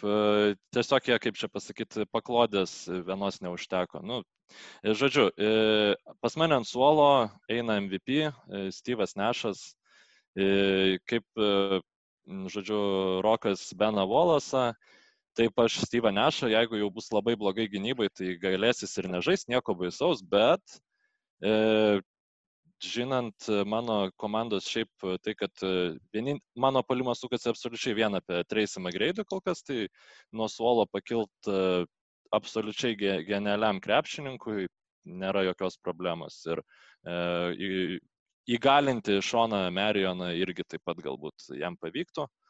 E, maniau, kad rytis tikrai šiaip norės nešą pasiimti, nes jo komandai tiesiog ten atrodė, kad nu, mhm. nešas. Man, man kidas labiau imponuoja. Ne, ne, ne, aš maniau, kad tu irgi gal ant suolo bandysi įpagriebti, bet nu, atimas Dankanas. Ne, būčiau... aš ant suolo paprastesnį žaidėjas nusimatęs, tai net nebesvarstyčiau jau nešo, bet aišku, kad irgi netikėtai labai labai žemai atsidūręs yra. Nu, tiesiog... turbūt, e turbūt dėl gynybos pagrindinis argumentas, kodėl mes jį taip žemai pasiliekam, nes jo polimo įgūdžiai, ypač Maiko D'Antoni sistemoje, nekelia jokių abejonių. Jo, jo, tai pas mane tikrai šimtų procentų D'Antoni treneris. Nieko kito negali būti jau dabar. Ok. Uh, ok, Rokai. Jo, aš dabar žiūriu irgi į žaidėjus ir matau, kad nu, čia ne piragai ir beliko. Na, ne piragai ir te buvo tiesa pasakius. MVP. MVP. MVP, tai taip, tai taip. Uh, labai, pala, ketvirtų penktų ėmė, ar ne?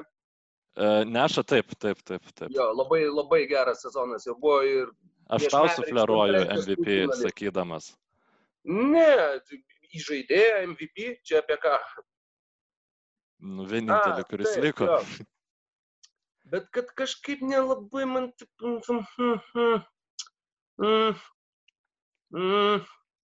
Rūpkė, kiek žiūriu dabar visi tokie, nu plus, žinai, mes kai taip renkamės, kadangi renkamės tik trise vis vieną, tai išeina tokie visų žvaigždžių komandų sudėtys, kur a, būtent, nežinau, Nešas arba Dankanas kyla nuo suolo, bet kažkaip toks, sakykime, galvoj truputėlį kirba noras padaryti bent kažkiek, kad tai būtų panašu į, na, sakykime, atsarginį krepšininką šiuo atveju.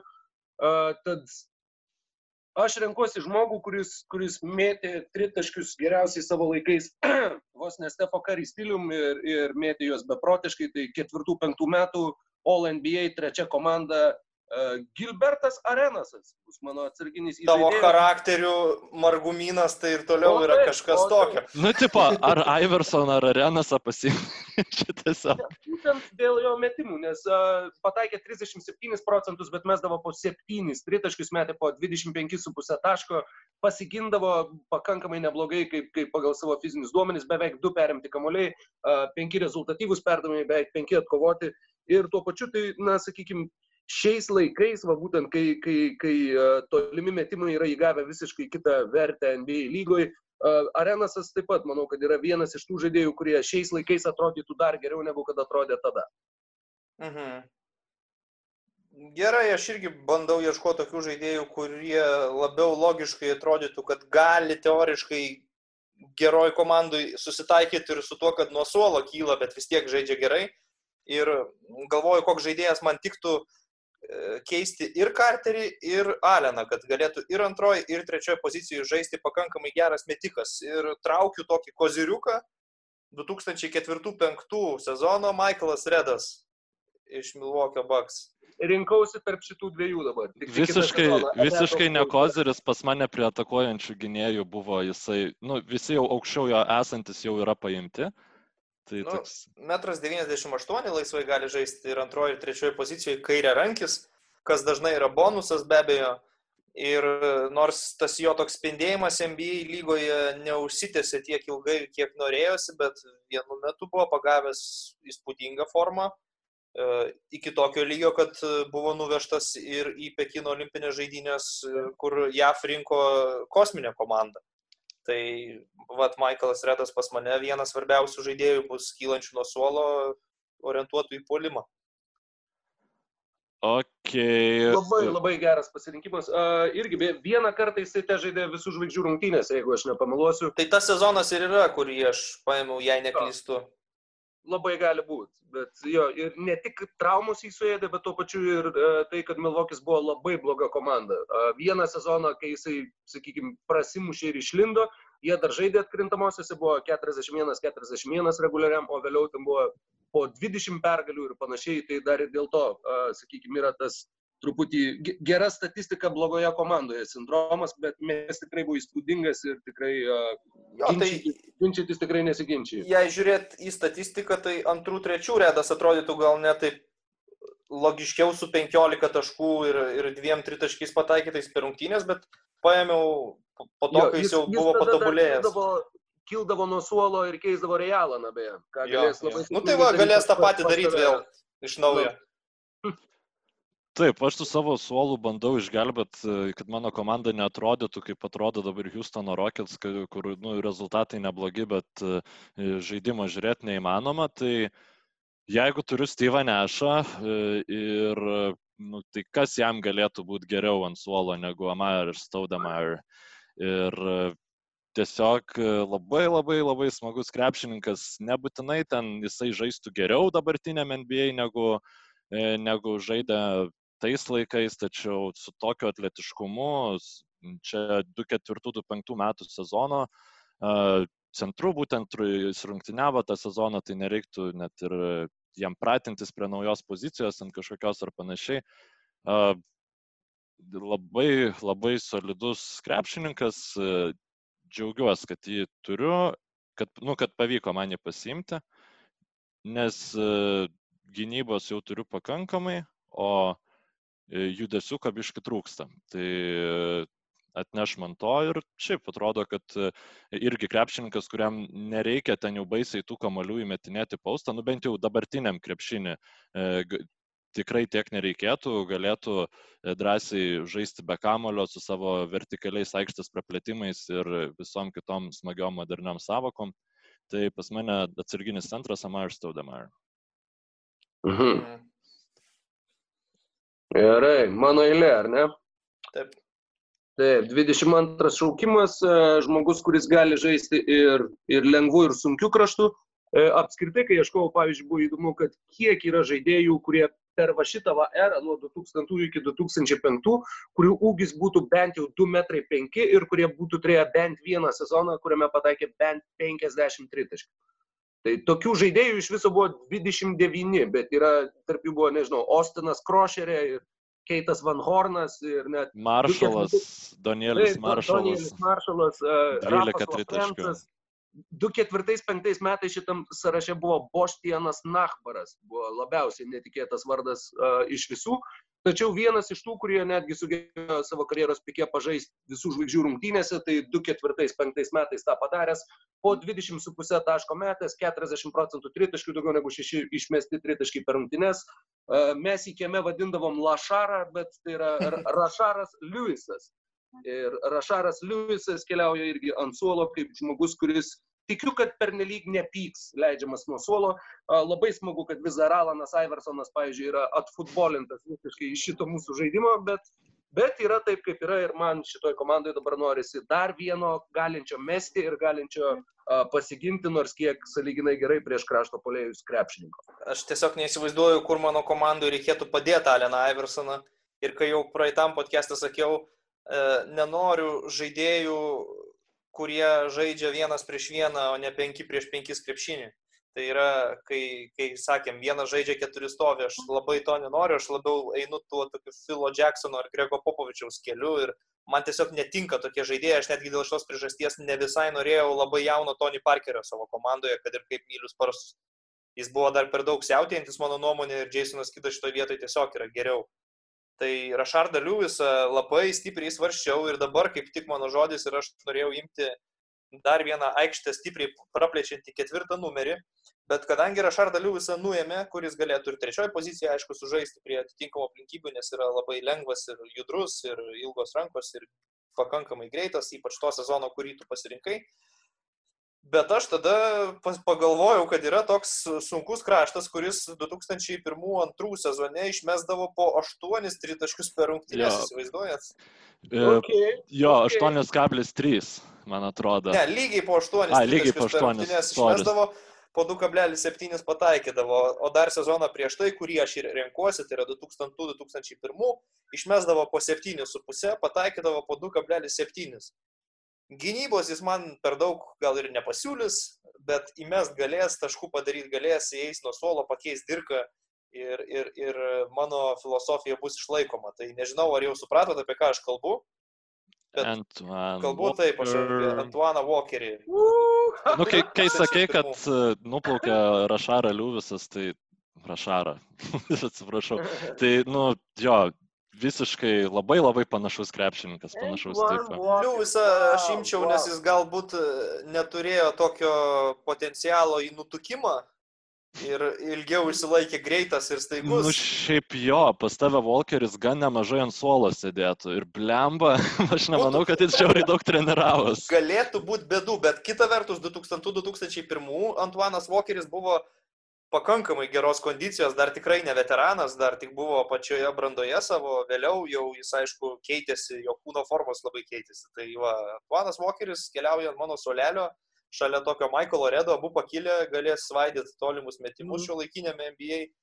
Gal ir neapsiginsim, bet kam rūpi. Pala, tai, tai...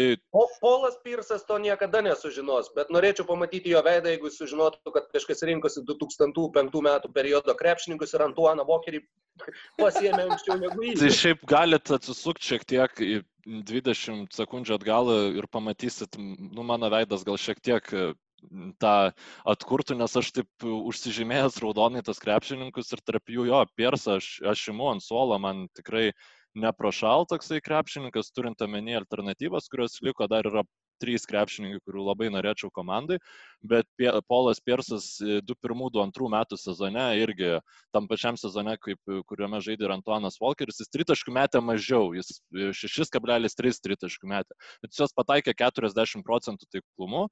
Ir, na, gynybai tikrai, manau, geresnis Polas Piersas yra negu Antuanas Walkeris. Ir plus Polas Piersas savo karjerą įrodė, kad jisai gali žaisti e, laiminčioje komandoje ir žaisti tarp e, daug. Nors šiaip Antuanas Walkeris irgi žaidė hitose, kurie laimėjo NBA, tai šito per daug.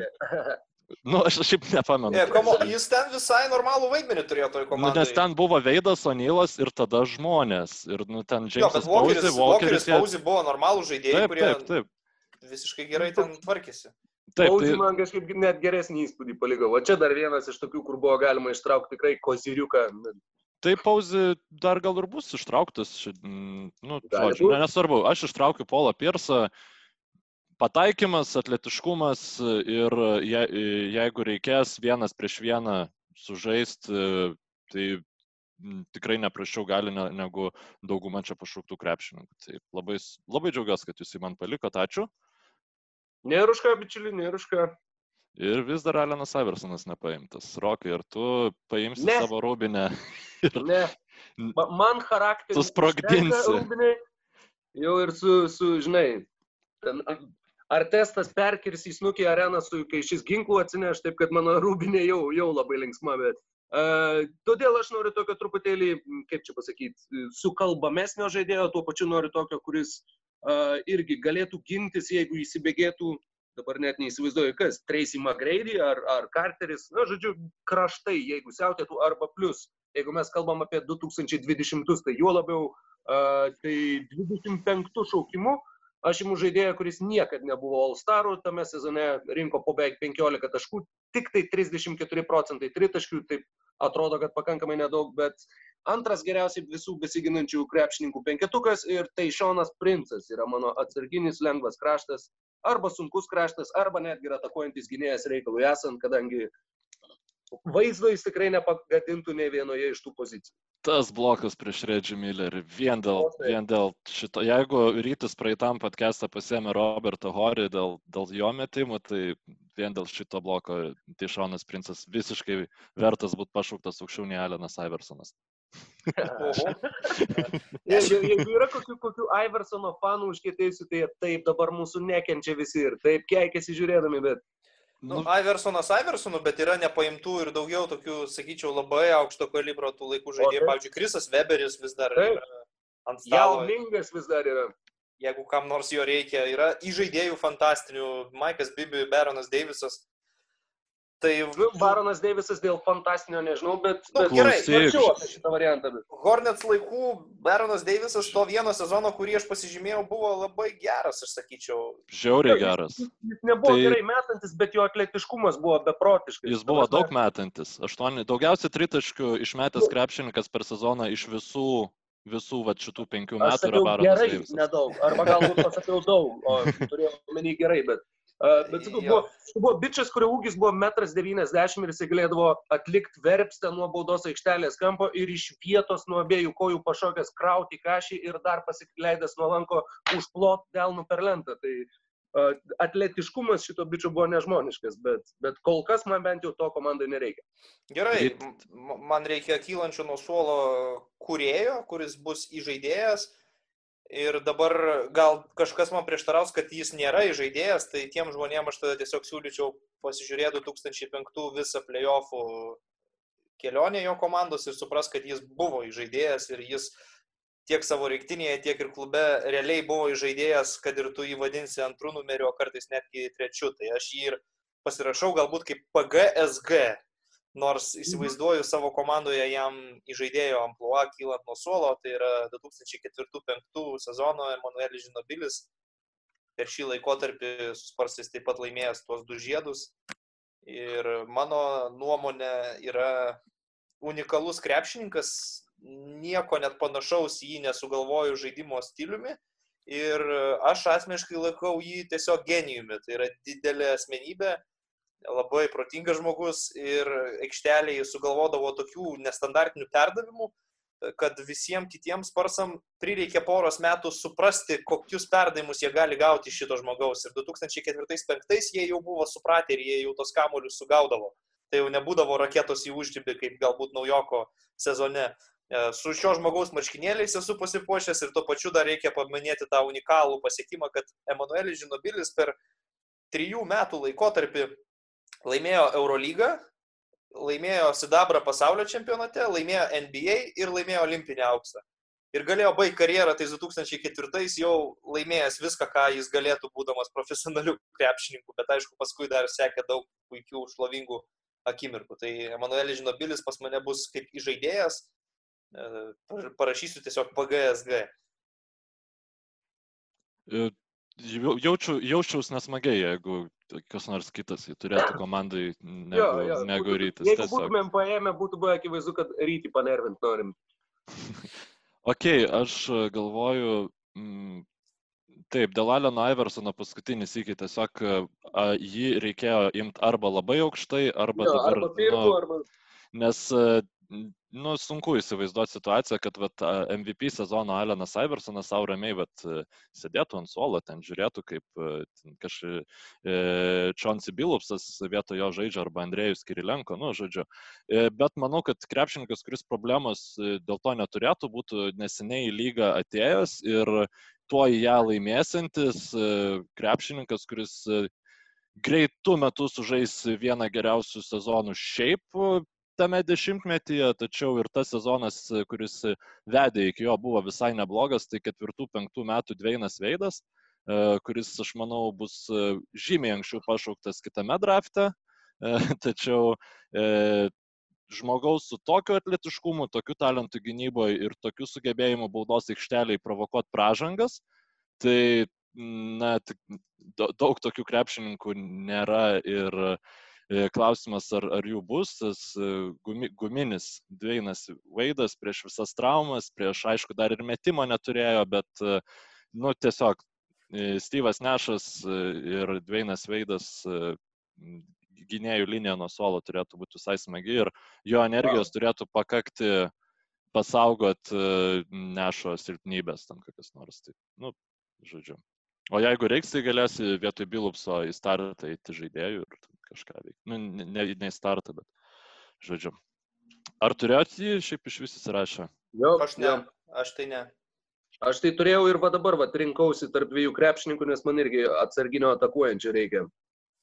Tai būčiau jį rėmęs, bet kadangi jį Mykolai pasėmė, tai man tada lieka žaidėjas, kuris uh, ir vėl, na, aš turbūt vėl darau tą pačią klaidą kaip uh, su visais Derikais Maky ir Bobby Filsais praeitam draftą, bet atsarginio atakuojančio gynėjo aš irgi noriu, kuris, kuris gintųsi labai labai gerai. Tiesiog, kad jeigu, tarkim, nežinau, koks nors Kobe arba Artestas persistengia ir išsibaudoja, kad būtų kas išeina į aikštę ir gynyba nei kiek nuo to nenukenčia. Ir tai yra žmogus, kuris eilę kartų pakliuvo į geriausiai besiginančių krepšininkų komandas. 2-2-3 metais buvo pirmoje šioje komandoje tarp penkių geriausiai besiginančių lygos žaidėjų.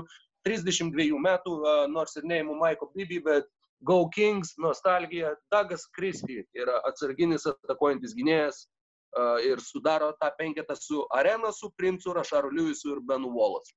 Plus bičias pataikydavo 40 procentų tritaškių tame sezone, tad uh, taip pat ir plus buvo ir labai klač žaidėjas, ir labai klač gynyboje žaidėjas. Ir, ir tikrai uh, šiandien taip pat žiūrėdamas tas, tas rungtynes Kings Timberwolves labai atsiminiau Dagą Kristį ir atsiminiau, kokį didelį įspūdį jisai tais laikais palikdavo, nors buvo toks tylus ir trečia planis krepšininkas, bet visat sugebėdavo viską kažkaip, nežinau, padaryti taip, kaip reikia. Tai tikiuosi, kad jis tą patį darys ir mano komandoje ir tuo pačiu galės uh, sutaikyti ar testą ir arenose, kai jie du susiraus neišvengiamai rūbinį.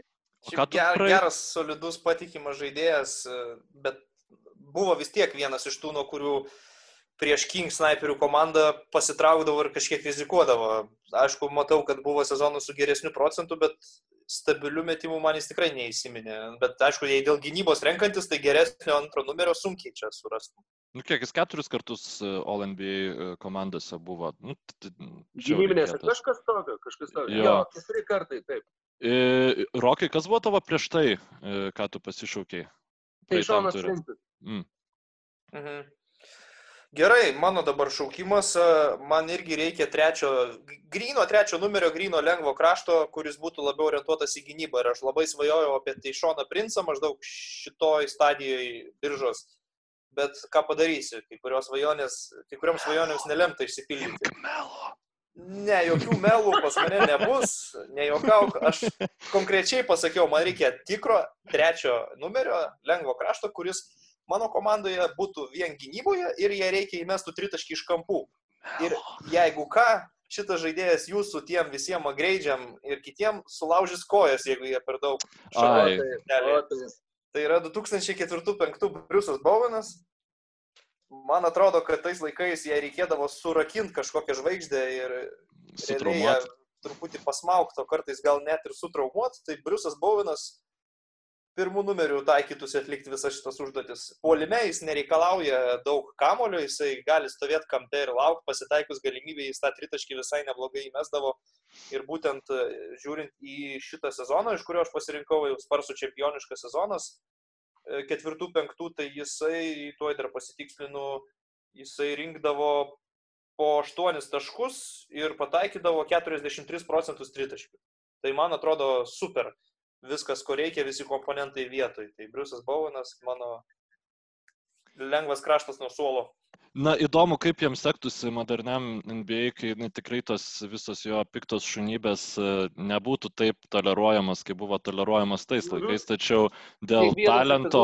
Peržiūrėt, ten penkias minutės traktuot, kaip čia, ar čia buvo nesportinė, nebuvo. Anksčiau nieko nebuvo panašaus. Dabar jau. Jūs gal, galėtų tikrai Kawhi Leonardą sutraumuoti, jeigu būtų Nu, poreikis jis, turint. jis rastų, manau, būdų, kaip išvesti iš kantrybės kai kuriuos žaidėjus. Nesakau, kad visus, bet net ir tarp lygos žvaigždžių yra tokių, kurie išmušus juos truputį iš komforto zonos subsichuoja ir tai nuo to kenčia jų žaidimas ir, ir jų komanda. Tai aš manau, jis būdų rastų, tik tiek, kad šio laikinėme krepšinėje jis galėtų gintis turbūt nuo pirmos iki trečios pozicijos, su ketvirta jam būtų sunkiau, nors tais laikais e, sunkius kraštus jis kartais galėdavo pasimti. Tai... Nu jo, dabar šiek tiek su- sunku įsivaizduoti, bet... Bet... Nu, Jis, jis nėra šiaip labai aukštas, iš tikrųjų, jo ūgis yra 2 metrai vienas, nu, normalus ūgis trečiam numeriui, sakykim taip. Nu toksai Danny, Danny Grinas, Dirty Danny ten toks, ne, nežinau, ka- ka- kaip jis įsivaizduoja. Aš iš... Bu- Buvo jis ir pas mane įrašytas ir būčiau aš jį pasiemęs kažkada, nu, tipo, saugus pikas, ne, ne jis ten kažką blogo rūbiniai padarys, nei ką. Ir, ir, ir, ir tikrai, tikrai e, viskas su juo gerai. Tai pala, mano eilė dabar, ar ne? Mhm. Reikia man ketvirto numerio ant suolo ir turiu čia tokį visiškai neseksualų variantą, tačiau žiauriais man čia gerai bus, e, su nešu ir Piersu ir Veidu man bei Staudamaru polimo man visiškai nereikia, o žmogaus, kuris galėtų pasimti nuo trečio iki penkto numerio moderniam krepšinė, nu gerai, gal dėl penkto ir perdadu, tačiau bent šiek tiek pastovėti tikrai galėtų, tai Shane Betijai e, žmogus tiesiog e, žmogus role playeris, e, žmogus puikiai, kuris ginasi ir aš visiškai nesupratau, ko- kodėl jį taip mėgo, kai buvau vaikas ir logiškai nesupratau, aš nesupratau to krepšinio tada ir dabar ne. Gal per nelik gerai nesuprantu, bet e, ke- 39 procentai tai pataikymas iš toli e, ir nu, dėl gynybos, manau, niekas nesiginčysit, kad e, gerai jis tą darė. Tikrai ne. Nu, tai va. Labai geras charakteris šito žaidėjo, visi apie jį puikiai A. atsiliepdavo. Man atrodo, jis yra ne vieną kartą laimėjęs tą apdovanojimą, kaip jis vadinasi. E, Kilniausio žaidėjo. sportsmanship, Jo, ten ta. Jo. Ir tai- man atrodo laimėjo pirmą, kai buvo tik tai įsteigtas e, geriausio komandos draugo, Twyman Stokes apdovanojimas. Nu ką, liko 11-12 šaukimai. Kaip ten tu juos Suvenyrai. vadini? Okay. Taip. Tai Nu, negalima vienas imti gerų, ne? Reikia... dar- Nu, galima, ta prasme, tau niekas netrukdo, bet tu turi argumentuoti tai kažkuo tai ir paliksim po to žmonėm vertinti. Bet aš, aš manau, kad nelogiška būtų dabar Weberiu ir Alenu Iversonu Jo, jo, užsidaryti dvyliktuką. Dvyliktų šaukimų pasimti Iversoną būtų labai geras. Nu, tai Nu, jeigu netyčia susitraumuos Dagas Kristi, tai galėsi pabėgioti.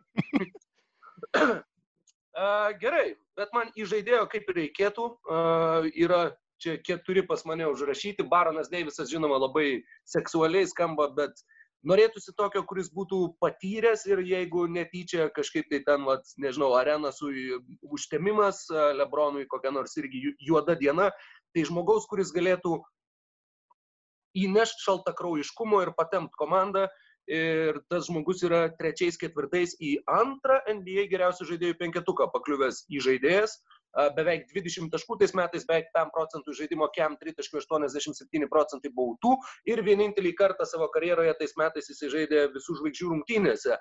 Žaisdamas Minnesotos Timberwolves ir Semas Kaselas keliauja būti mano tuo, sakykime, balastų, kurį būtų galima išmesti į aikštę, jeigu, jeigu sakau, kitiem įžaidėjim, jeigu ten kliūva jie patys už savo kojų, tai patyręs kaselas, tikiu, kad įneštų ramybės, kadangi tuo metu jam tikrai jau buvo nemažai metų, tuoj pat noriu pasakyti kiek. Šiaip iš to žaidėjo visi juokėsi, kad jis yra vienas iš All Ugly Team lyderių NBA istorijoje, bet uh, 34 metai buvo tuo metu Kaselui, tad uh, nors žaidė tikrai nuostabiai, jeigu pakliuvo tarp dešimties geriausių lygos krepšininkų tais metais, tai yra milžiniškas e, pasiekimas ir milžiniška iliustracija to, kaip gerai jisai atrodė toje Timberwolves komandoje ir jis, sakau, vat, tas žmogus, kuris jau 34 per nelik nepyks, jeigu negaus žais, bet jeigu gaus žais, tai žinau, kad vaizdo aikštai negadins.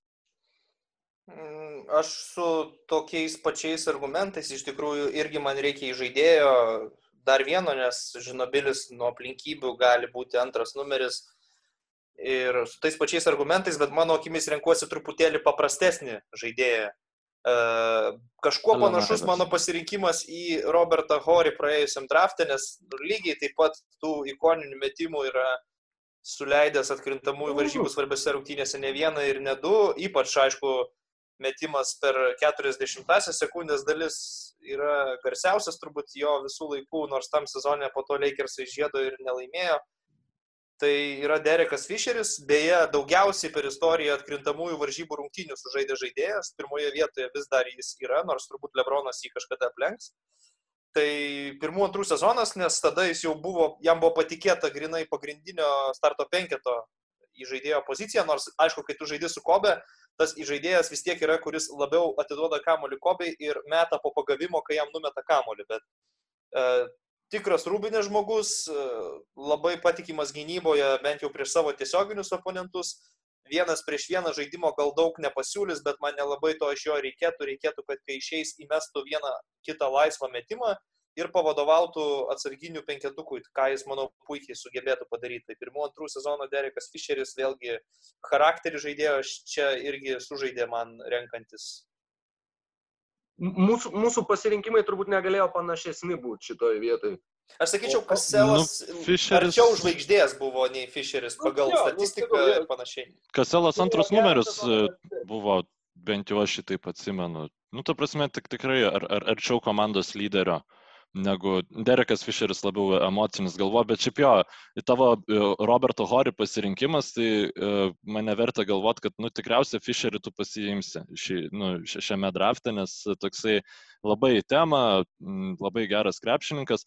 Man yra šiek tiek e, neramu dėl mano įžaidėjų grandies, Aš galvoju, kad jinai... Džonsi Bilupsą ir neša.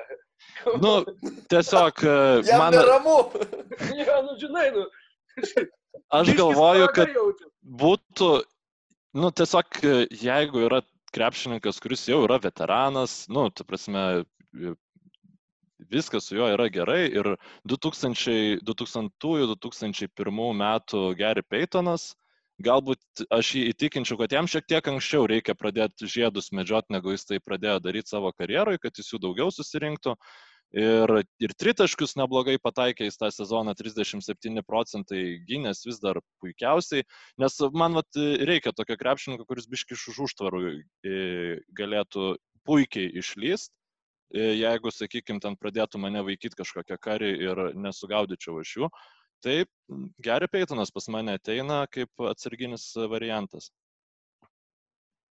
Solidu, visi trys pasėmėm senius į žaidėjus. 11. Tarp kitko, Gary Paytonas mano yra e, jaunesnis, jau, nežinau, ne, ne jauniausias tikrai, bet jaunesnis Ne. už Semą Kaselą. Mano Fisheris pirmų antrų jis buvo pakankamai Jo, jo, jaunas. jo, jo, jo, jis labai jaunas. Mes kalbam apie Fisherį, jo, kuris jis taigi dar žaidė. Jis Fisheris dar 10 metų žaidė. jis laimėjo gižiedus su Lakeriu ta kita komanda, kur buvo Pau ir Kobe. Ir Taip, ten taip, aš, prieš Orlandą, pavyzdžiui, jis metė. Oklahomui žaidė, tai va. Taip, taip, taip, taip, taip. Ir visą laiką atrodė taip pat. Ai, 27, jo, tai dar tikrai pats pikas.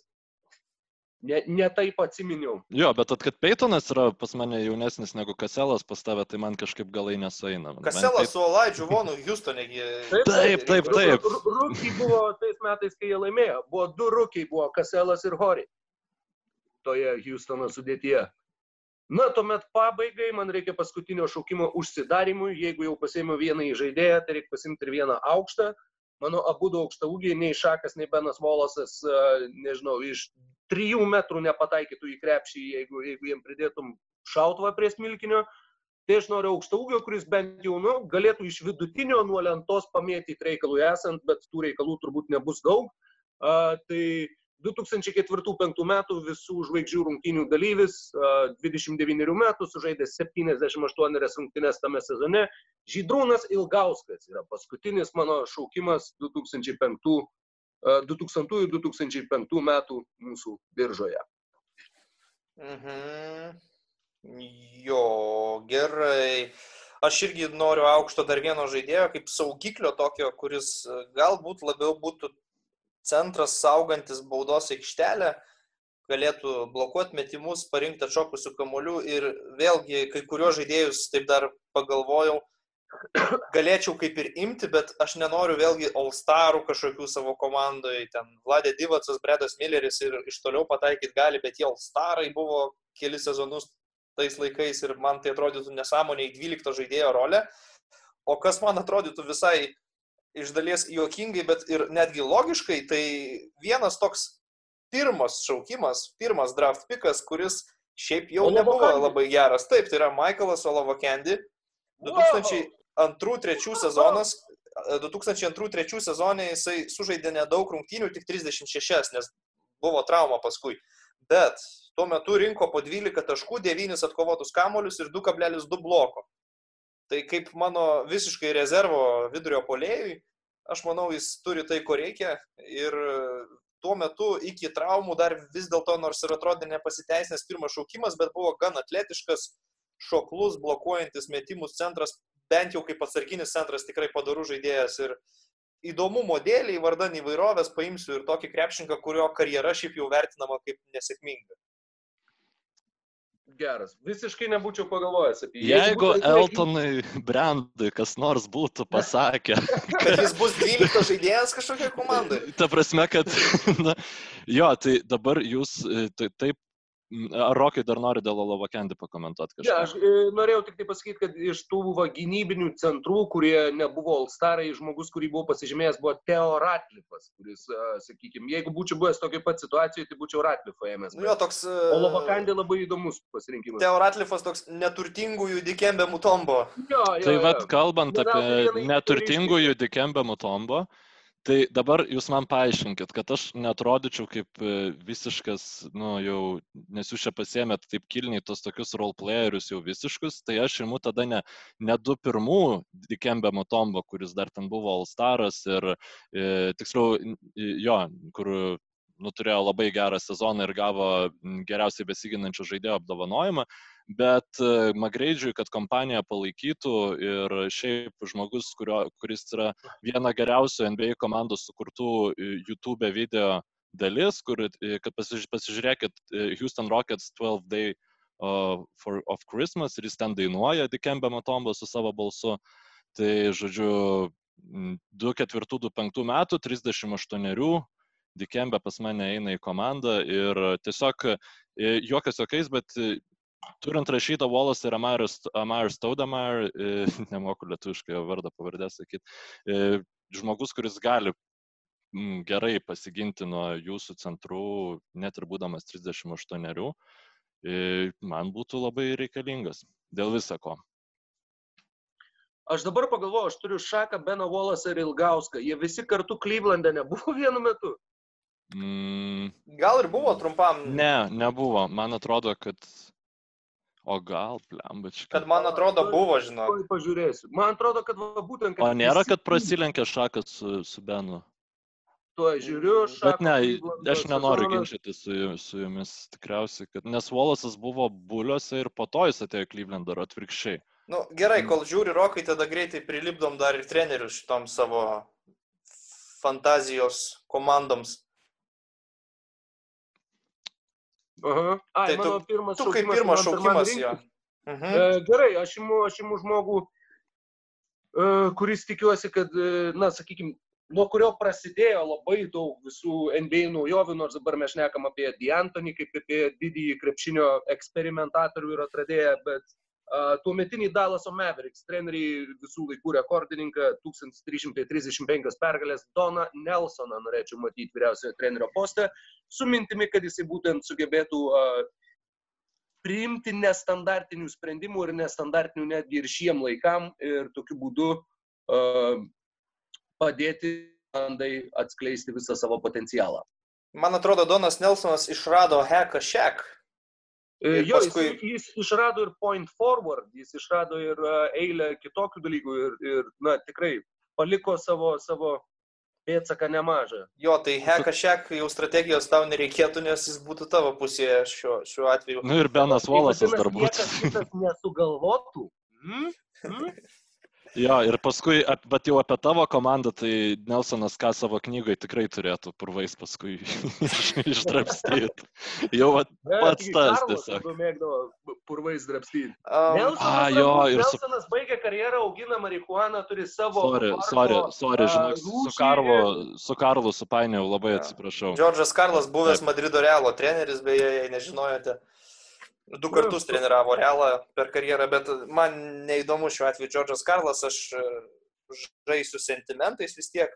Ir prieš tai dra- drafte buvo Gregas Popovičius, mano strategas, šį kartą imsiu altruistiško krepšinio gurų, žmogų, kuriam vienintelis teisingas kamulio judėjimas aikštelėje yra perdavimai, o ne driblingas.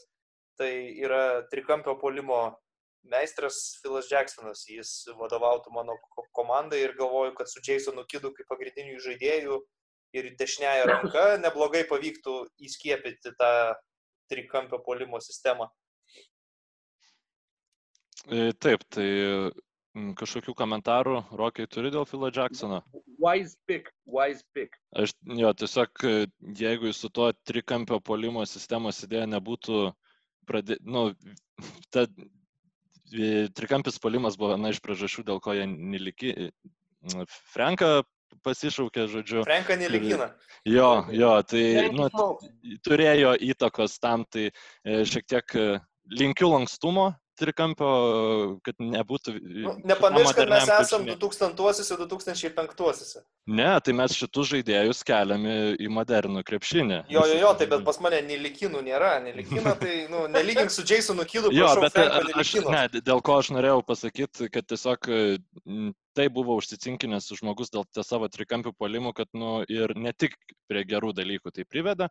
A, Pas mane jau, kaip ir sakiau, Maikas Diantoni, tiesiog e, gynyba, kur visi besikeičia, e, gynyba, polimas, kur yra maksimaliai efektyviai išnaudojami daugiausia talento polime turintys krepšininkai, tai yra e, vis, viskas eitų per magreidį ir e, nemanau, kad mano starto penketas tuo turėtų problemų, o ant atsarginių suolo tai jau išsi, išsitrauktų derinių iš e, Phoenix'o Suns laikų ir ten jau iš vis nieko jam treniruoti nereiktų. Tai, va, taip. Nu ką, gerai, susikomplektavome. Aš galvoju, kad šį kartą tokio aiškaus favorito nė- nėra, kaip buvo tada. Nors beje, reikia paminėti, kad Michaelas Jordanas čia irgi buvo galimas variantas pasirinkti. Bet e, be abejo, visi, visi suprantam, kad kalba eina apie jau visai kitokį Michaelą Jordaną.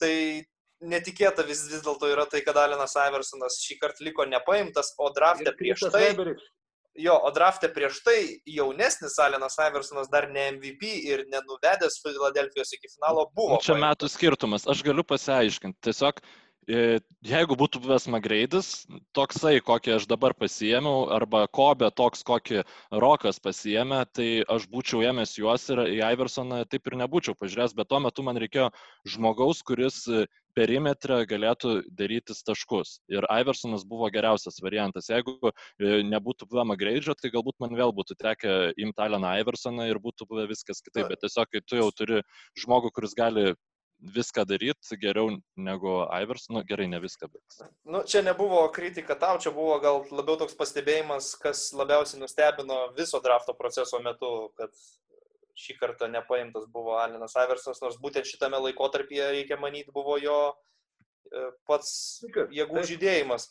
Tai vad, e, ką, žiūrėsim, kaip žmonės įvertins dvyliktukus, kaip ir sakiau, manau, kad dabar turim lygesnius šansus e, būti žmonių favoritais, kam reikės garsesnių pavardžių yra iš ko rinktis, kam reikės e, komandos, kuri puola, bet mažiau gynasi, irgi yra variantas, kam reikės, kuri labai gerai gynasi, bet galbūt trūksta snaiperių, irgi yra taip, kad labai didelė įvairovė. Visiems pagal skonį.